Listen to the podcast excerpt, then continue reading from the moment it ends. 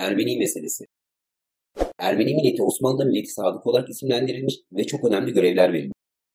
Ermeniler 19. yüzyılın sonlarına doğru İngiltere ve Rusya'nın kışkırtmasıyla isyan ettiler.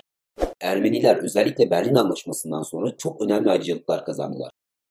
İngiltere ve Rusya'dan aldıkları destekle Doğu Anadolu'da bağımsız bir devlet kurmayı planladı. Bu durum Doğu Anadolu'da Ermeni örgütlerinin ortaya çıkmasına ve kanlı isyanlara neden oldu. Ermeniler bu dönemden itibaren komitacılık faaliyetleriyle birçok hareket gerçekleşti. Erzurum isyanları, Sultan Abdülhamit'e suikast girişimi, Adana olayları bunlardan birkaçıdır. Birinci Dünya Savaşı'nda Ermeni çeteler cephe güvenliğine zarar veriyordu. Bunun üzerine Osmanlı yönetimi Ermenilere yönelik teşhir kararı aldı. Kurtuluş Savaşı sırasında da Ermeni meselesi devam etti. Kazım Karabekir komutasındaki TBMM ordusu Ermenileri yenip Gümrü Anlaşması ile sorunu tamamen çözdü.